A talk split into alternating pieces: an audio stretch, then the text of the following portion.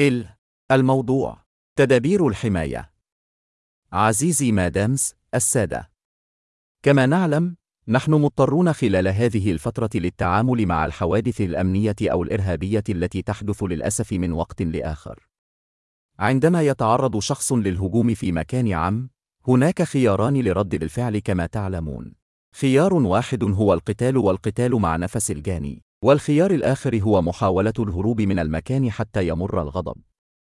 ومع ذلك عندما يتعلق الأمر بشخص معوق وأكثر صحة عندما يتعلق الأمر بشخص مرتبط بالكراسي المتحركة لا يمكن لأي من هاتين الطريقتين. سؤالي لك هو هل كان هناك أي تفكير في تطوير أسلحة أو أسلحة يمكن الوصول إليها يمكن أن تساعد شخصا معوقا؟ إذا ومتى دخل في مثل هذا الموقف علامة استفهام. وبقدر ما تكون هذه الأسلحة مفتوحة على المستوى الفني فكر في كيفية وضع معايير واختبارات تهدف إلى تحديد الأشخاص المعاقين الذين يمكنهم الوصول إلى هذه الأسلحة. وهذا يرجع إلى إمكانية إساءة استخدام مثل هذا الحقف إلى الدفاع عن النفس علامة استفهام.